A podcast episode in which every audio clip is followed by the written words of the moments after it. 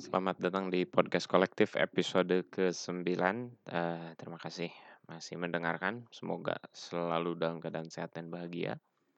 Eh, pada podcast kali ini kita akan eh, ngobrol tentang eh, menghadapi ketidakpastian.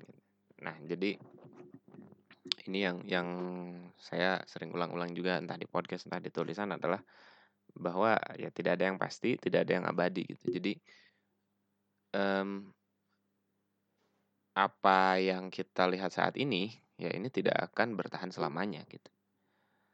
Ketika pandemi datang itu sudah membuktikan bahwa ada satu kondisi yang kita tidak mungkin menduganya gitu. Kita tidak pernah bayangkan tapi ternyata ada gitu. Itu akan terus terjadi hal semacam itu gitu di di ke depannya gitu. Jadi eh, ini salah satu hal yang yang ingin saya garis bawahi di dalam podcast ini adalah eh, kita harus siap menghadapi hal-hal yang tidak pernah kita siapkan gitu sebelumnya. Nah, proses menghadapi ketidakpastian itu sebenarnya berawal dari satu gitu, bisa menerima ya. Jadi tidak menolak, tidak menantang, membangkang gitu ya. Karena di satu sudut kita harus punya kepercayaan bahwa uh, semua yang terjadi itu tidak salah gitu.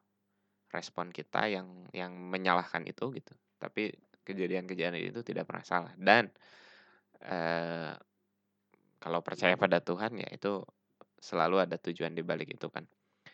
Nah, kejadian-kejadian tidak terduga itu dihadapinya adalah satu dengan menerima ya kan. Jadi menerima bahwa ini memang terjadi apa adanya dan sekarang berpikir bagaimana cara uh, melepas dari itu gitu. Apa yang bisa kita lakukan gitu. Kita bisa berfokus pada itu.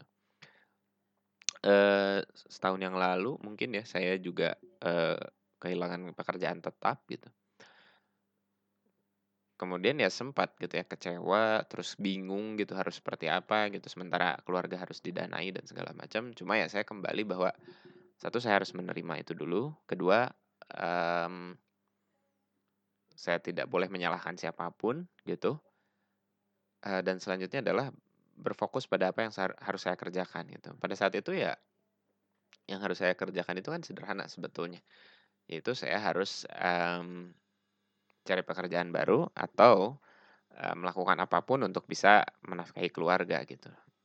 Apa pun ya dalam hal itu. Yang saya lakukan ya pada saat itu adalah uh, bersilaturahmi gitu. Jadi apa yang menurut saya bisa saya lakukan pada saat itu adalah bersilaturahmi. Jadi untuk mendapatkan sesuatu kan kita harus memberi sesuatu ya. silaturahmi itu kan pemanjang pembuka jalan gitu loh. Akhirnya saya silaturahmi dengan uh, ngobrol dengan orang gitu, lihat di media sosial saya komen, lihat di media sosial saya, uh, ajak ngobrol sampai akhirnya saya nemu seorang, uh, kawan lama gitu dia, uh, beternak, uh, lebah gitu ya, dan menjual madu lah gitu.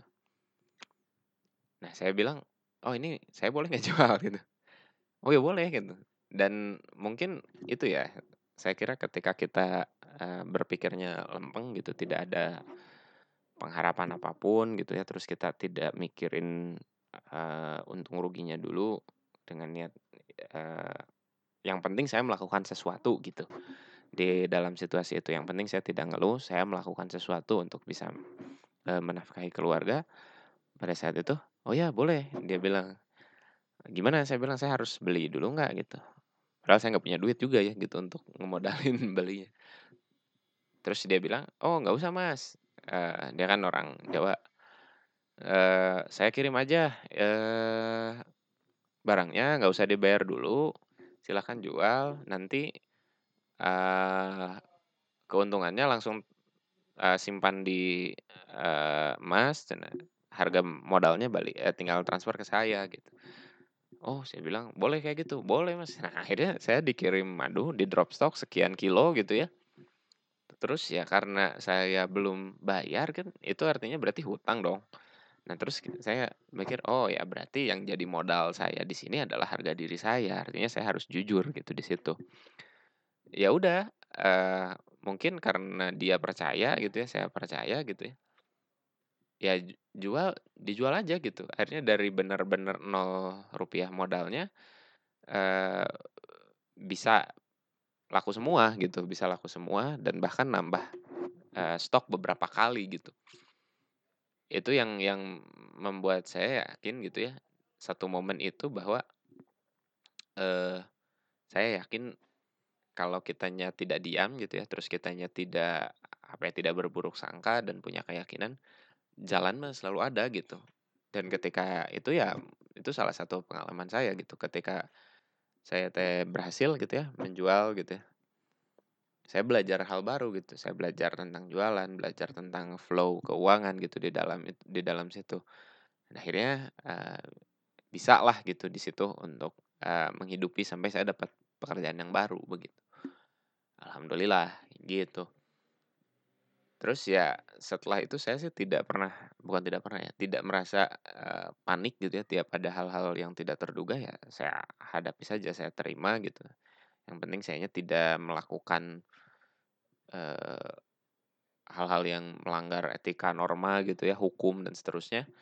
Dan ya alhamdulillah gitu bisa bisa terus, eee produktif lah gitu, kurang lebih gitu. Mungkin itu aja ya untuk podcast kali ini, mudah-mudahan bermanfaat, sampai jumpa lagi di podcast berikutnya.